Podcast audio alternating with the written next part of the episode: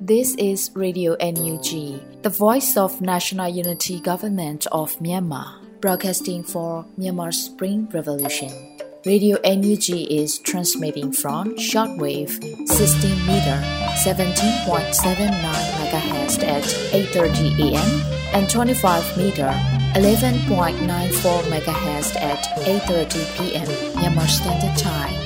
မင်္ဂလာပါရှင်။ မြို့သားညီညွတ်ရေးအစိုးရရဲ့အတန်လွန်ဌာန Radio NUG ကိုမနက်ပိုင်း၈နာရီခွဲမှာလိုင်းတူ16မီတာ19.89 MHz ညပိုင်း၈နာရီခွဲမှာ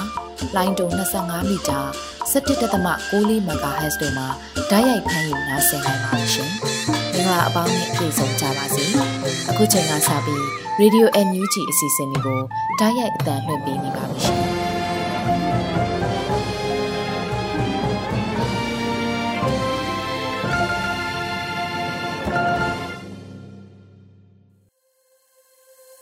င်္ဂလာနေ့နဲ့ခင်ပါခင်ဗျာတောတာရှင်ပေါင်းဘေးကင်းကျမ်းမာစွာနဲ့တော်လိုင်းကြီးခရီးလမ်းကြောင်းကိုရှောက်လှမ်းနိုင်ပါစေကြောင်းရေဒီယိုအန်ယူဂျီကဆုတောင်းမေတ္တာပို့သပါတယ်ဩဂုတ်လ18ရက်မနေ့ပိုင်းအတန်လွှင့်စီစဉ်တွေစတင်ဖို့အချိန်ရောက်ပါပြီခင်ဗျာစစ်ရေးသတင်းများကိုဥဆုံးနားဆင်ရဖို့ရှိပါတယ်ဒါကြောင့်မို့ကာကွယ်ရေးဝန်ကြီးဌာနကထုတ်ပြန်ထားတဲ့နေ့စဉ်စစ်ရေးသတင်းတွေကိုຫນွေဥလင်ကဖတ်ကြားထားတာနားဆင်ကြပါစို့ခင်ဗျာကာကွယ်ဝင်ကြီးဌာနအမျိုးသားညီညွတ်ရေးဆိုရမှ ဩဂုတ်လ18ရက်နေ့2023ခုနှစ်ထုတ်ဝေတဲ့စစ်ရေးသတင်းချင်းချုပ်ကိုတင်ဆက်ပေးတော့မှာဖြစ်ပါတယ်။ရန်သူတပ်သား10ဦးသေဆုံးပြီး10ဦးထိခိုက်ဒဏ်ရာရရှိခဲ့ကြောင်းသတင်းရရှိပါရခင်ဗျာ။အာနာသိန်းအကြမ်းဖက်စစ်တပ်နဲ့တိုက်ပွဲဖြစ်ပွားမှုသတင်းတွေကိုတင်ဆက်ပေးကြပါမယ်။ကချင်ပြည်နယ်မှာဩဂုတ်လ16ရက်နေ့ည9:00နာရီခန့်မှ18ရက်နေ့မနက်ပိုင်းထိရွှေကူမြို့နယ်ဇင်းပုံကျေးရွာမှာစစ်သည်မော်ကိုစီကိုလုံခြုံရေးပေးရန်စစ်ကြောင်းထိုးနေတဲ့ ရန်သူတပ်အင်အား100ခန်းနဲ့ကချင်လွတ်မြောက်ရေးတပ်မတော် KIA PDF ပူးပေါင်းတပ်တို့တိုက်ပွဲပြင်းထန်ခဲ့ရာရန်သူတပ်သား9ဦးထပ်မံသေဆုံးခဲ့ပြီးဇင်းပုံရွာကိုလည်းဝင်ရောက်မိရှို့ဖျက်ဆီးခဲ့ကြောင်းသတင်းရရှိပါရခင်ဗျာ။အော်ဂိုလာ16ရက်နေ့မနက်9:00နာရီခန့်မှာရွှေကူမြို့နယ်ရွှေကူမြို့မှာဗမော်မြို့သို့စံတက်လာတဲ့ရန်သူတပ်ရဲ့လက်နက်နဲ့ရိတ်ခါတင်လာတဲ့စစ်သည်မော်ကိုစီကိုမြို့လာ KPDF တပ်ရင်တက်ခွဲနှင့်ဗိုလ်တကုံအဖွဲ့က 109မမရှော့တိုက်တုံးများနဲ့ပြစ်ခတ်တိုက်ခိုက်ခဲ့ရာတင်မောနှစ်စီးထိမှန်ခဲ့ပြီးထိခိုက်သွားတဲ့တင်မောနှစ်စီးနောက်မူရအထက်ပိုင်း၌အချိန်တော်ကြာရနာသွားကြပြီးနောက်နှစ်စီးစီတွဲပြီးဆက်လက်ဆန်တက်ခဲ့ရာ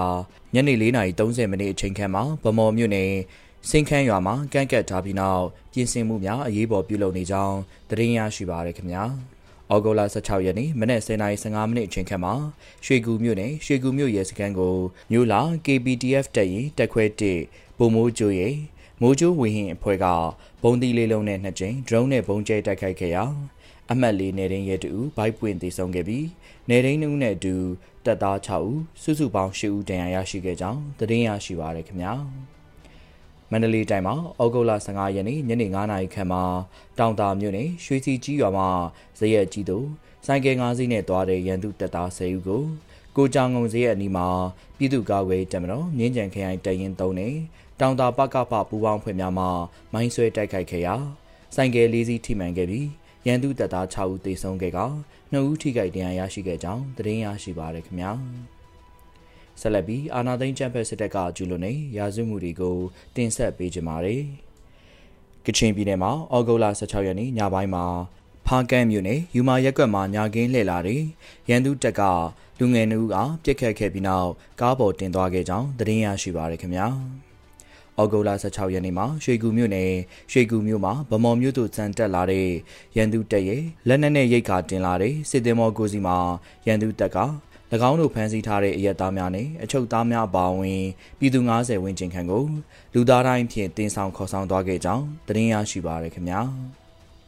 ပဲခူးတိုင်းမှာဩဂုတ်လ16ရက်နေ့မနက်8:45မိနစ်အချိန်ခန့်မှာထန်းတပင်မြို့နယ်ဇလုတ်ကြီးကျေးရွာအနောက်ပိုင်းနေ ကိုမောင်ထွေးခေါ်ကိုကျော်စရာ60နှစ်နဲ့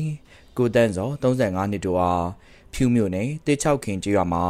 ယာယီတက်ဆွဲထားတဲ့အင်အားတရာဦးခန့်ရှိတဲ့ရန်သူတပ်ဖွဲ့ကိုလှမ်းပစ်ခတ်လိုက်တဲ့87မမ3လုံးလက်နက်ကြီးတရားများရရှိခဲ့ကနေရာမှာပင်တိတ်ဆုံးသွားခဲ့ပါတယ်။ရန်သူတပ်ဖက်ကလက်နက်ကြီးများပစ်ခတ်နေတဲ့အတွက်ကြောင့်ဇလုတ်ကြီးရွာသားတို့ထွက်ပြေးနေရပြီးအချို့မှာအခြေအနေကိုစောင့်ကြည့်နေကြဆဲဖြစ်ကြောင်းသတင်းရရှိပါရခင်ဗျာ။ ယခုတင်ဆက်သွားတဲ့သတင်းတွေကိုမြေပြင်သတင်းတာဝန်ခံများနဲ့သတင်းမီဒီယာတွေမှာဖော်ပြလာတဲ့အချက်အလက်တွေပေါ်အခြေခံပြုစုထားခြင်းဖြစ်ပါတယ်။ကျွန်တော်ကတော့ຫນွေဦးလင်ပါ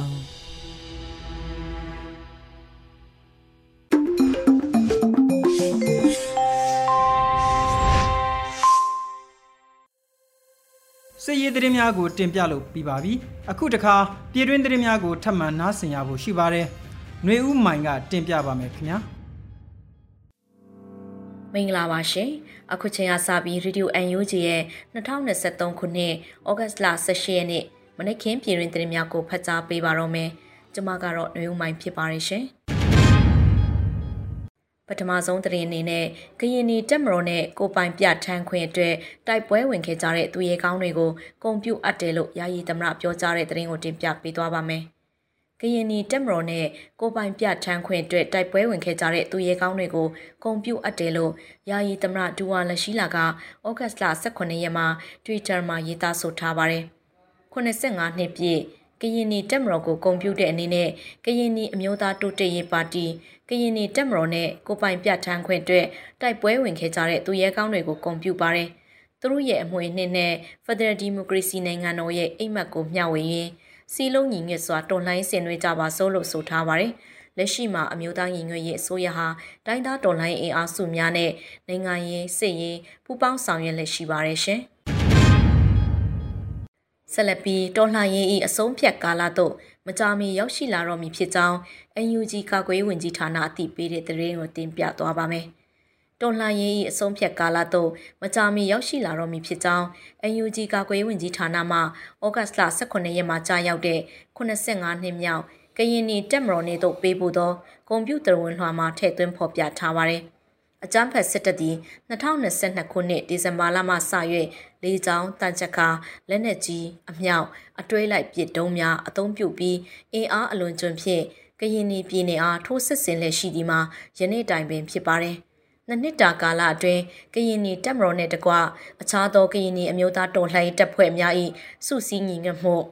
조사အထောက်မှုနဲ့ဆွတ်လွတ်အနစ်နာခံမှုများကိုမြဝါထင်ထင်တွေ့မြင်ခဲ့ကြရပြီးဖြစ်ပါတယ်လို့ဆိုပါတယ်။မြင်းမြပင်ရုပ်ပိုင်းဆိုင်ရာအင်အားတာလွန်နေစေကမူအချမ်းဖက်ဆက်တသည်ကရင်နီပြည်စစ်မြေပြင်တွင်အလူလဲရှုံနှိမ်လှည့်ရှိပြီးကရင်နီတပ်မတော်ကရင်နီအမျိုးသားကာကွယ်တပ်နှင့်အခြားသောတော်လှန်တပ်ဖွဲ့များ၏ ထက်တန်ပြင်းပြသောတော်လှန်တိုက်ခိုက်လိုစိတ်စစ်ရေးစွမ်းရည်နဲ့ပူပေါင်းအားထုတ်မှုများကိုအလေးနဲ့ဦးညွတ်အတိမတ်ပြုကြောင်းကိုလည်းဖော်ပြအပ်ပါတယ်လို့ဆိုပါတယ်။နိုင်ငံရေးစစ်ရေးစီးပွားရေးတန်တမာရေးအစရှိသည့်နေပယ်ပေါင်းစုံတွင်ကြာဆုံးလက်ရှိသောအကြမ်းဖက်စစ်တပ်နှင့်စစ်ကောင်စီအားစိုးစင်းမြနားခွင့်မပေးဘဲအမြင့်ပြတ်သည့်အထိဝိုင်းပတ်ချေမုံရမည့်တော်လှန်ရေး၏အဆုံးအဖြတ်ကာလသို့မကြာမီရောက်ရှိလာတော့မယ်လို့ယုံကြည်ပါတယ်လို့ဆိုပါတယ်ရှင်။ ကြားကာလဒေသန္တရပြည်သူ့ချုပ်ရေးဖော်ဆောင်မှုဗဟိုကော်မတီအစည်းအဝေးကျင်းပတဲ့တဲ့ရင်ကိုဆက်လက်တင်ပြပါမယ်။အမျိုးသားရင်ငွေရေးအစိုးရ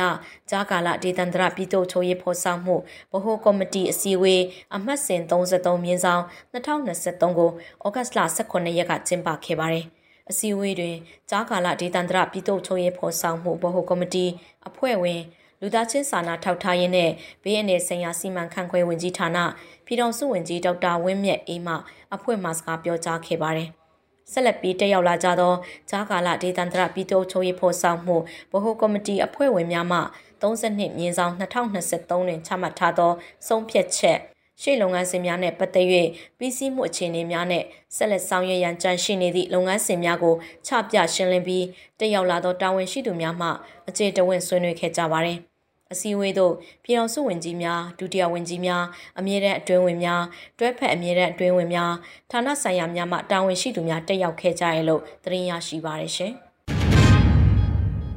ဘင်္ဂလားဒေ့ရှ်နိုင်ငံပိုင်ဆွန်နာလီဘန်ကမြန်မာနိုင်ငံခြားကုန်းသွယ်မှုဘဏ်နဲ့မြန်မာယင်းနှမြုံနှံမှုနဲ့ကုသရေးဝေးဘဏ်တို့၏စည်များကိုပိတ်ဆို့အရေးယူလိုက်တဲ့သတင်းကိုဆက်လက်တင်ပြသွားပါမယ်။ ဘင်္ဂလားဒေ့ရှ်နိုင်ငံပိုင်ဆိုနာလီဘန်ကမြန်မာနိုင်ငံခြားကုန်းသွဲမှုဘဏ်နဲ့မြန်မာယင်းနှမြှုပ်နှံမှုနဲ့ကုသရောင်းဝယ်ရေးဘဏ်တို့၏စည်များကိုပိတ်ဆို့အရေးယူလိုက်ပါတယ်။ Binner News မှာဖော်ပြချက်အရဘင်္ဂလားဒေ့ရှ်နိုင်ငံဒါကာရှိအမေရိကန်တန်ယုံကအစိုးရထံစာတစောင်ပေးပို့ပြီးနောက်အဆိုပါလှုပ်ဆောင်ချက်အားအတည်ပြုချက်ထွက်ပေါ်လာခြင်းဖြစ်တယ်လို့သိရပါတယ်။ Sonali Bank ၏အမှုဆောင်အရာရှိချုပ်နှင့် Managing Director MD Afzal Karim ကမြန်မာနိုင်ငံခြားကုန်သွယ်မှုဘဏ်နဲ့မြန်မာယင်းနှမြုံနှံမှုနဲ့ကုသရောင်းဝယ်ဘဏ်တို့၏စီးများကိုအရေးယူထားပြီးဖြစ်ကြောင်းပြောကြားခဲ့ပါတယ်။မြန်မာဘဏ်နှစ်ခုသည် Sonali ဘဏ်တွင်စုစုပေါင်းအငွေအမေရိကန်ဒေါ်လာ1.1တန်းရှိကြောင်း Karim ကပြောကြားပါတယ်။၎င်းနောက်ဒီငွေတွေကိုလွှဲပြောင်းလို့မရပါဘူးလို့ Karim ကထပ်မံဆိုထားပါတယ်ရှင်။ ဆက်လက်ပြီးနိုင်ငံတကာငွေကြေးစနစ်များထိန်းချုပ်မှုများစက်တိုက်လုပ်လာပါကစစ်ကောင်စီအတွက်အသက်ရှူပေါက်ကျင်းမြောင်းလာနိုင်တဲ့သတင်းကိုတင်ပြပေးပါမယ်။ဘင်္ဂလားဒေ့ရှ်နိုင်ငံရဲ့နိုင်ငံပိုင်ဘဏ်တစ်ခုဖြစ်ပြီးထိတ်တန်းဘဏ်တစ်ခုလည်းဖြစ်တဲ့ဆိုနာလီဘဏ်ဆိုနာလီဘဏ်ဟာမြန်မာနိုင်ငံရဲ့ MFTB ဘဏ် MIC ဘဏ်တွေနဲ့ချိတ်ဆက်ဆောင်ရွက်နေတဲ့ငွေကြေးလုပ်ငန်းတွေရှိရလို့သိရှိရပြီးအမေရိကန်နိုင်ငံရဲ့ဒဏ်ခတ်အရေးယူမှုကိုခံခဲ့ရတဲ့ဒီဘဏ်တွေနဲ့ ငွေသွင်းဝင်ထုတ်လုပ်ငန်းတွေကိုဆိုနာလီဘဏ်ကရပ်ဆိုင်းလိုက်ကြောင်းဩဂတ်စ်လ16ရက်မှာသိရှိရပါတယ်။လက်ရှိအနေထားအရ MIC ဘဏ်ကအနှံ့ထားတဲ့ဒေါ်လာတသန်းနဲ့ MFTB ကအနှံ့ထားတဲ့ဒေါ်လာ3သိန်းတို့ကိုလည်းဆိုနာလီဘဏ်ဘက်ကထိတ်ချုပ်ထားလိုက်ပြီလို့သိရှိရပြီးဆိုနာလီဘဏ်ကလည်း MIC ဘဏ်မှာဒေါ်လာ3သိန်း MFTB ဘဏ်မှာယူရို18000အနှံထားရလဲရှိပါတယ်။ အခုဘင်္ဂလားဒေ့ရှ်ဘဏ်ကအရေးယူပိတ်ဆို့မှုဟာမြန်မာဘဏ်များနဲ့စီးပွားရေးလုပ်ငန်းများကိုစင်ကာပူရှိ United Overseas Bank UOB ကဝန်ဆောင်မှုများအားလုံးကိုကန့်သတ်ပိတ်ပင်ပြီးနောက်ဆက်တွဲပေါ်ထွက်လာခြင်းလည်းဖြစ်ပါတယ်။ဆိုနာလီဘဏ်ဟာဘင်္ဂလားဒေ့ရှ်မြန်မာနှစ်နိုင်ငံကုန်သွယ်ရေးမှာအထူးကအသုံးပြုနေတဲ့ဘဏ်လည်းဖြစ်ပြီးဒီလိုရပ်ဆိုင်လိုက်ခြင်းဟာတရားဝင်ကုန်သွယ်ရေးလုပ်ငန်းတွေအပေါ်အကျိုးသက်ရောက်နိုင်တယ်လို့တရားမဝင်ငွေပေးချေမှုမတရားသဖြင့်ရှာဖွေထားတဲ့ ငွေကြေးစုဆောင်းမှုများပေါ်လဲရိုက်ခတ်သွားနိုင်တာဖြစ်ပါတယ်။ဒီကိစ္စနဲ့ပတ်သက်ပြီးဒေကာမြို့မှာရှိတဲ့စစ်ကောင်စီခန့်တမ်းမဟာအပူတပြင်းလာရောက်ဆွေးနွေးမှုတွေလုပ်နေတယ်လို့ကြားသိရပါတယ်။ထိတ်ချုပ်ခံရတဲ့ငွေကြေးပမာဏဟာမများလှပေမဲ့အမေရိကန်နိုင်ငံရဲ့တန်ခတ်အရေးယူမှုနောက်ဆက်တွဲအကျိုးဆက်တွေကကဘာတဝန်းတက်ရောက်မှုရှိနိုင်တယ်ဆိုတာကိုပြသလိုက်တာပါအခုလိုနိုင်ငံတကာငွေကြေးစနစ်ထဲကနေကန့်သက်ထိန်ချုပ်မှုတွေစက်တိုက်ဖြစ်လာရင်တော့စစ်ကောင်စီရဲ့အသက်ရှူပေါက် ပိုကျင်းမြောင်းလာဖို့ပဲရှိတာဖြစ်ပါတယ်ရှင်။ဆက်လက်ပြီးကရင်ပြည်နယ်ကြာအင်းစိတ်ကြီးမြို့လွတ်မြောက်နယ်မြေတွင်6ကြိမ်မြောက်တက်တဲ့ရဲစီရီယမ်ထောက်ပံ့ငွေပေးအပ်ပွဲခမ်းနားကျင်းပတဲ့တဲ့ရင်ကိုတင်ပြပါမယ်။ကရင်ပြည်နယ်ကြာအင်းစိတ်ကြီးမြို့လွတ်မြောက်နယ်မြေတွင်6ကြိမ်မြောက်တက်တဲ့ရဲစီရီယမ်ထောက်ပံ့ငွေပေးအပ်ပွဲခမ်းနားကိုဩဂတ်လ18ရက်မွန်းတက်12နာရီတွင်ကျင်းပခဲ့လို့ဆိုပါတယ်။ အဆိုပါထောက်ပံ့ငွေများကိုပြည်သူ့ရင်ခွင်ခိုလုံရေးကော်မတီမှပေးပို့ခဲ့ပြီးကြာအင်းစိတ်ကြီးမြို့နယ်ပြည်သူ့အုပ်ချုပ်ရေးအဖွဲ့ပအဖမှစီစဉ်၍တအူးလင်ကြက်ငွေ9000စီဖြင့်16ဦးအတွက်ကြက်ငွေ17သိန်း2000ကိုပေးအပ်ခဲ့ပါတယ်ရှင်။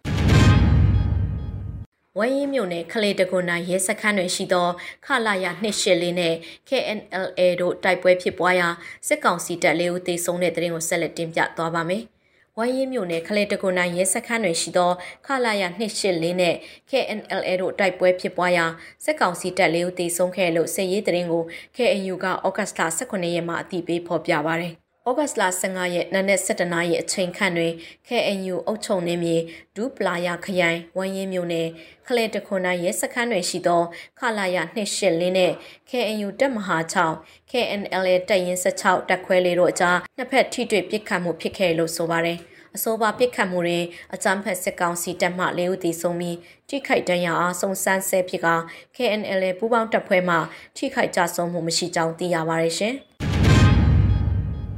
မိုးကုတ်မြို့အနောက်ပိုင်းရဲစခန်းတိုက်ပွဲပြီးစစ်ကောင်စီဘက်မှတပ်သားများ PDF ဝက်စုံများဝက်ဆင်ပြီးအယောင်ဆောင်ကမိုးကုတ်မြို့တွင်လှုပ်ရှားနေတဲ့တဲ့ရင်ကိုဆက်လက်တင်ပြပါမယ်။မိုးကုတ်မြို့အနောက်ပိုင်းရဲစခန်းတိုက်ပွဲပြီးတွင်စစ်ကောင်စီဘက်မှတပ်သားများ PDF ဝက်စုံများဝက်ဆင်ပြီးအယောင်ဆောင်ကမိုးကုတ်မြို့တွင်လှုပ်ရှားနေရလို့ဩဂတ်စ်လ18ရက် Red Wolf of မိုးကုတ်ကအတိပေးဆိုပါရယ်။ မိုးကုံမြို့အနောက်ပိုင်းရဲစခန်းတိုက်ပွဲပြီးတွင်စစ်ကောင်စီဘက်မှတပ်သားများသည် PDF ဝက်စုံများဝက်ဆင်ပြီးအယောင်ဆောင်ကမိုးကုံမြို့တွင်လှုပ်ရှားနေပါတယ်။ပြည်သူများအနေဖြင့်အထူးတတိထားစေချင်ပါတယ်။မိဘပြည်သူများအနေဖြင့်ယူနီဖောင်းဝတ်ဆင်ထားသည့်မိသည့်စစ်သားမဆိုတေချာလေးလာဆန်းစစ်၍ဆက်ဆံကြပါရန်အထူးတတိပေးအပ်ပါတယ်လို့ဆိုပါတယ်။ ပြည်သူများအားထိခိုက်နစ်နာစေမိအလို့မျိုးကို PDF အဖွဲ့များမှပြုမှုမီမဟုတ်ပါကြောင်းအသိပေးအကြောင်းကြား update လို့ဆိုထားပြီး uniform ဝတ်ဆင်ထားသည့်လက်နက်ကင်အဖွဲ့အစည်းများတွေ့ရှိပါက Red of of Mogo Page Messenger တို့သတင်းပေးအကြောင်းကြားပါရန်ဆိုထားပါရရှင်။ CDM တအူຫນွေဦးထီတဆောင်ထောက်ပို့ကမ်ပိန်းလူမှုကွန်ရက်စာမျက်နှာစတင်ဖွင့်လှစ်ထားတဲ့သတင်းကိုနောက်ဆုံးတင်ပြပေးချင်ပါတယ်။ CDM တအူຫນွေဦးထီတဆောင်ထောက်ပို့ကမ်ပိန်းလူမှုကွန်ရက်စာမျက်နှာစတင်ဖွင့်လှစ်ထားတယ်လို့ CDM တအူຫນွေဦးထီတဆောင်ထောက်ပို့ကမ်ပိန်းကအသိပေးဖော်ပြပါရယ်။ပြည်သူဝန်ထမ်း CDM သူရဲကောင်းများဟာຫນွေဦးတော်လှန်ရေးမှာအခုအချိန်ထိစိတ်တက်ခိုင်ခိုင်မာမာဇွဲတန်တန်နဲ့တော်လှန်နေကြပြီးတော်လှန်ရေးဤအဓိကတောက်တိုင်တစ်ခုအဖြစ်ရှိနေကြပါတယ်။ဒီသူရဲကောင်းတွေကိုကျွန်တော်တို့ပြည်သူလူထုအနေနဲ့ CDM သူရဲကောင်းတွေကိုပြည်သူရင်ထဲမှာအမြဲတမ်းရှိပါတယ်ဆိုတဲ့ message ကို ပေးနိုင်ဖို့အဓိကရည်ရွယ်ပြီးຫນွေဦးထီတဆောင်စီကို CDM တဦးစီထံသို့လက်ဆောင်အဖြစ်ထောက်ပို့ဖို့ဖြစ်ပါတယ်လို့ဆိုထားပါတယ်။ CDM Success Committee တို့ပူးပေါင်းဆောင်ရွက်သော CDM တဦးຫນွေဦးထီတဆောင်ချင်းမြင့်သည့်အစီအစဉ်တွင်2023ခုနှစ်ဇူလိုင်လຫນွေဦးထီအပတ်စဉ်21တွင်တသိန်းစု5စုကို MOH MOE MR တို့မှပေါက်ပြီး15သိန်းစုတစုကို MOE မှ CDM များကန်ထုခဲ့ကြပါတယ်။ CDM ဝန်ထမ်းများအတွက်ထီလက်မှတ်ဆဲဆောင်တဲ့အထက်ဝယ်ယူအားပေးသူအားကော်မတီကလက်ဆောင်ပို့စကတ်များပြန်လည်ပေးပို့မှာဖြစ်ပါတယ်ရှင်။အခုတင်ပြခဲ့တဲ့သတင်းတွေကို Radio UNG သတင်းထောက်မင်းတီဟန်ကပေးပို့ထားတာဖြစ်ပါတယ်ရှင်။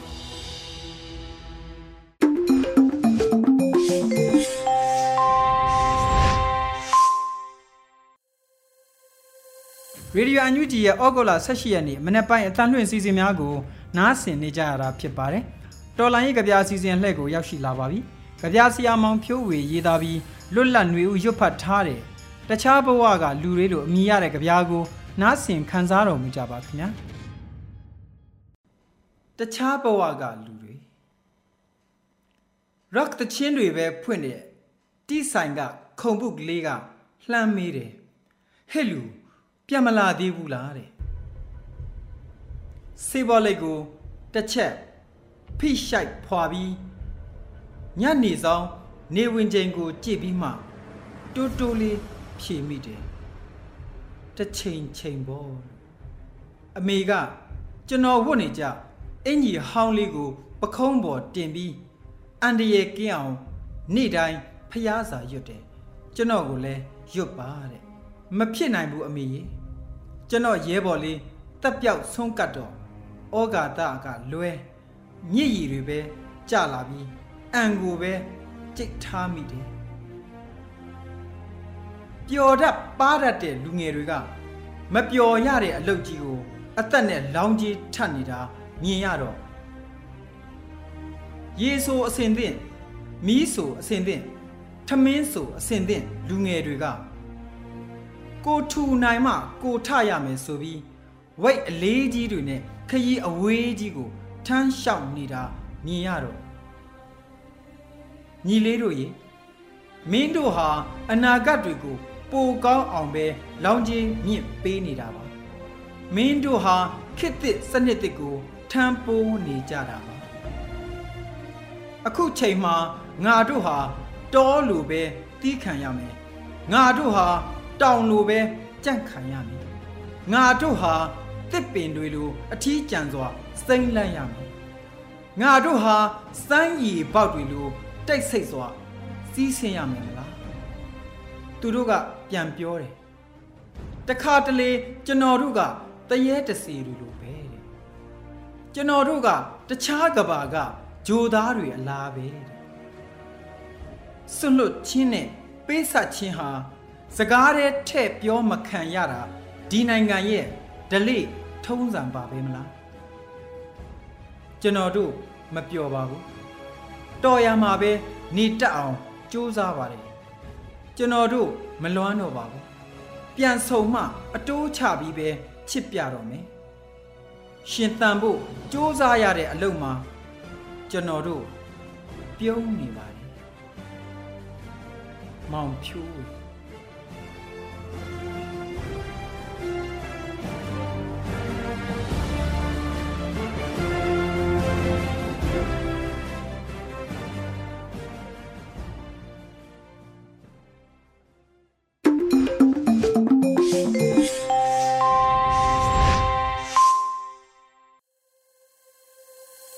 တော်လိုင်းရေးကြပြာကိုထုတ်လွှင့်သွားတာဖြစ်ပါတယ်အခုတပံ PVTV ရဲ့နေ့စဉ်သတင်းများကို နားဆင်ရပါဦးမယ်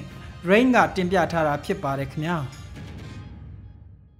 အခုချိန်ကစပြီး PPTV သတင်းတွေကိုတင်ဆက်ပေးတော့မှာပါကျွန်မရိန်ပါ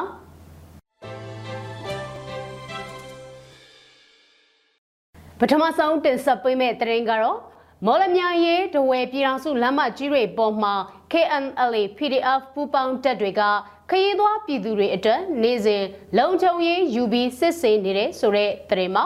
ထိုးပေါက်ဒေသစိုးမိုးရေးအတွက်အရေးပါတဲ့မော်လမြိုင်ရေးတဝယ်ပြည်တော်စုလမ်းမကြီးတွေပေါ်မှာ KNLA PDF ပူးပေါင်းတပ်တွေကခရီးသွားပြည်သူတွေအတွက်နေ့စဉ်လုံခြုံရေးယူပြီးစစ်ဆေးနေတယ်လို့ဒုစစ်ဒေသခွဲမှုယုံစစ်ဒေသခွဲအမှတ်3တောင်ပိုင်းတိုင်းကမနေ့ကသတင်းထုတ်ပြန်လိုက်ပါတယ်။ ဒီကနေ့ဩဂတ်စ်လ16ရက်နေ့မှာလဲရေးမြို့နယ်အတွင်းရှိအောင်တပြေပိုင်နဲ့အောင်ဒုခဇယအနီးမှာမနက်9နာရီခန့်ကနေနေ့လယ်2နာရီ45မိနစ်ခန့်အထိပူပေါင်းတပ်ဖွဲ့ဝင်တွေကအကြမ်းဖက်စစ်တပ်အနေနဲ့အယက်သားမော်တော်ယာဉ်တွေအသုံးပြုသွားမှုရှိမရှိနဲ့ မော်တော်ယာဉ်တွေအနေနဲ့စစ်ကောင်စီနဲ့ပတ်သက်တဲ့လူတွေပစ္စည်းတွေတင်ဆောင်တာမျိုးရှိမရှိစစ်ဆေးဆောင်ရွက်ခဲ့ကြပါတယ်လို့စစ်တေသခွဲအမှတ်3တောင်ပိုင်းတိုင်းကပြောထားပါတယ်။နေပြည်လုံခြုံရေးနဲ့ဒေသစိုးမိုးရေးအတွက်စစ်ဆေးမှုကိုပြည်သူတွေကကြည်ဖြူစွာနဲ့အပြည့်အဝပူးပေါင်းဆောင်ရွက်ခဲ့ကြတဲ့အတွက်ကျေးဇူးတင်ရှိပါတယ်လို့မြေပြင်တပ်မှုတွေကပြောပါရယ် မော်လမြိုင်မှုတုံရေတန်ဖြူစရက်တဝဲမြိတ်လမ်းမှာသွာလာနေတဲ့မော်တော်ယာဉ်တွေအနေနဲ့ KNL တပ်ဖွဲ့ဝင်တွေစစ်ဆေးတဲ့အခါမှာကြည်ပြူစွာလက်ခံဖို့အကြမ်းဖက်စစ်ကောင်စီနဲ့ပတ်သက်တဲ့လူတွေပစ္စည်းတွေတင်ဆောင်တာမျိုးမပြုတ်လို့ဖို့တတိပေးထားပါတယ်။ဒါအပြင်ပြည်သူတွေအနေနဲ့အကြမ်းဖက်စစ်ကောင်စီတပ်ရင်တွေနဲ့လိုက်ပါစီးနေတာမျိုးမပြုတ်လို့ကြဖို့နဲ့ အခြားတိုင်းရင်းသားလက်နက်ကင်အဖွဲ့တွေကအသုံးပြုတဲ့ရင်တွေကလည်းကြည်ပြူစွာအစစ်စေးခံဖို့အတွက်လည်းဒုစစ်ဒေသခွဲမှုယုံအမှတ်3စစ်ဒေသခွဲတောင်ပိုင်းတိုင်း JOC ရဲ့ထုတ်ပြန်ချက်မှာဖော်ပြထားပါတယ်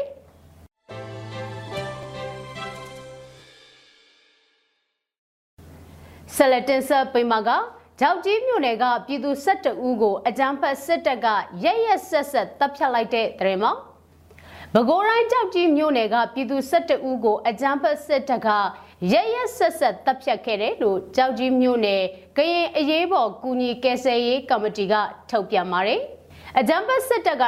2023ခုနှစ်မေလကနေဩဂတ်လ15ရက်နေ့အထိကြောက်ကြီးမြို့နယ်ရှိကျေးရွာများအတွင်းကိုရည်ရွယ်ချက်ရှိရှိလေကြောင်းတိုက်ခိုက်မှု33ကြိမ် drone နဲ့တစ်ကြိမ်နဲ့ လက်နက်ကြီး38ကြိမ်ပစ်ခတ်ခဲ့ပြီးလက်နက်ကြီးအလုံးရေ400လုံးထက်မနည်းပစ်ခတ်ခဲ့ပါတယ်။ဒီပစ်ခတ်မှုကြောင့်နေအိမ်20လုံးထက်မနည်းပျက်စီးရတဲ့အပြင်အပြစ်မဲ့ပြည်သူစုစုပေါင်း6ဦးသေဆုံးခဲ့တဲ့အနက်ကျောင်းသားကျောင်းသူ၄ဦးပါဝင်ပြီးအရက်သားပြည်သူ73ဦးပြင်းထန်စွာထိခိုက်ဒဏ်ရာရတယ်လို့သိရပါတယ်။ဒါအပြင်ပြည်သူ18ဦးကိုဖမ်းဆီးထောင်ချခြင်း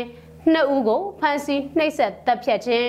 ၃ဦးကိုအရှင်လက်လက်မီးရှို့တပ်ဖြတ်တာတွေပြုလုပ်ခဲ့တာပါဆက်လက်ပြီးနေအိမ်အလုံး20ကိုမီးရှို့ဖျက်ဆီးခြင်းပြည်သူပိုင်ပစ္စည်းဖြစ်တဲ့ဆိုင်ကယ်တစ်စီးနဲ့ဖုန်းတစ်လုံးကို အတင်းအတ္တမသိမ်းယူတာတွေပြုလုပ်ခဲ့တာကြောင့်ကြောက်ကြီးမြို့နယ်တွင်းကကျေးရွာပေါင်း40ကျော်ကပြည်သူတွေစစ်ပေးရှောင်ရတယ်လို့ဆိုပါတယ်။အဲ့ဒီထဲကကောက်ယူရရှိတဲ့စစ်ပေးရှောင်စည်ရင်းတွေမှာ ကျေးရွာပေါင်း10ရွာက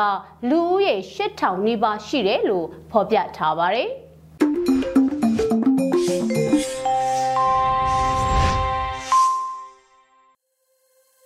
ဩဂုတ်လ18ရက်နေ့မနေ့ပိုင်းအတန်းလွင့်စီစဉ်များရဲ့နောက်ဆုံးစီစဉ်အနေနဲ့တော်လိုင်းရေးတေးသချင်းတစ်ပုဒ်ကိုထုတ်လွှင့်ပါဦးမယ်။တေးဆို The Fingers ရဲ့ No Talo ဆိုတဲ့သချင်းကိုနားဆင်တော်မူကြပါခင်ဗျာ။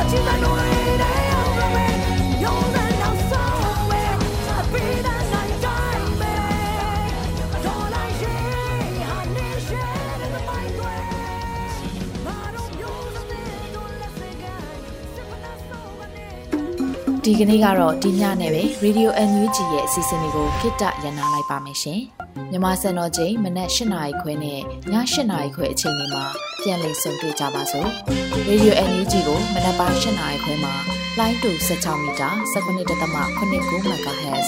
ညပိုင်း၈နာရီခွဲမှာလိုင်းတူ25မီတာ17.6 MHz တို့မှာဓာတ်ရိုက်ဖမ်းလို့နိုင်စေနိုင်ပါပြီ။ မြန်မာနိုင်ငံသူနိုင်ငံသားတွေကိုစိတ်နှပြကျန်းမာချမ်းသာလို့ဘေးကင်းလုံခြုံကြပါစေလို့ Radio NUG အဖွဲ့သူဖွဲ့သားတွေကဆုတောင်းမေတ္တာပို့တာလိုက်ရပါတယ်ရှင်။အမျိုးသားညီညွတ်ရေးအစိုးရရဲ့စက်သွေးရေးသတင်းအချက်အလက်နဲ့လူပညာဝန်ကြီးဌာနကထုတ်လွှင့်နေတဲ့ Radio NUG ဖြစ်ပါတယ်။ San Francisco Bay Area အခြေစိုက်မြန်မာမိသားစုတွေနဲ့နိုင်ငံတကာကစေတနာရှင်လို့အားပေးနေတဲ့ Radio NUG ဖြစ်ပါတယ်။အရေးတော်ပုံအောင်ရမည်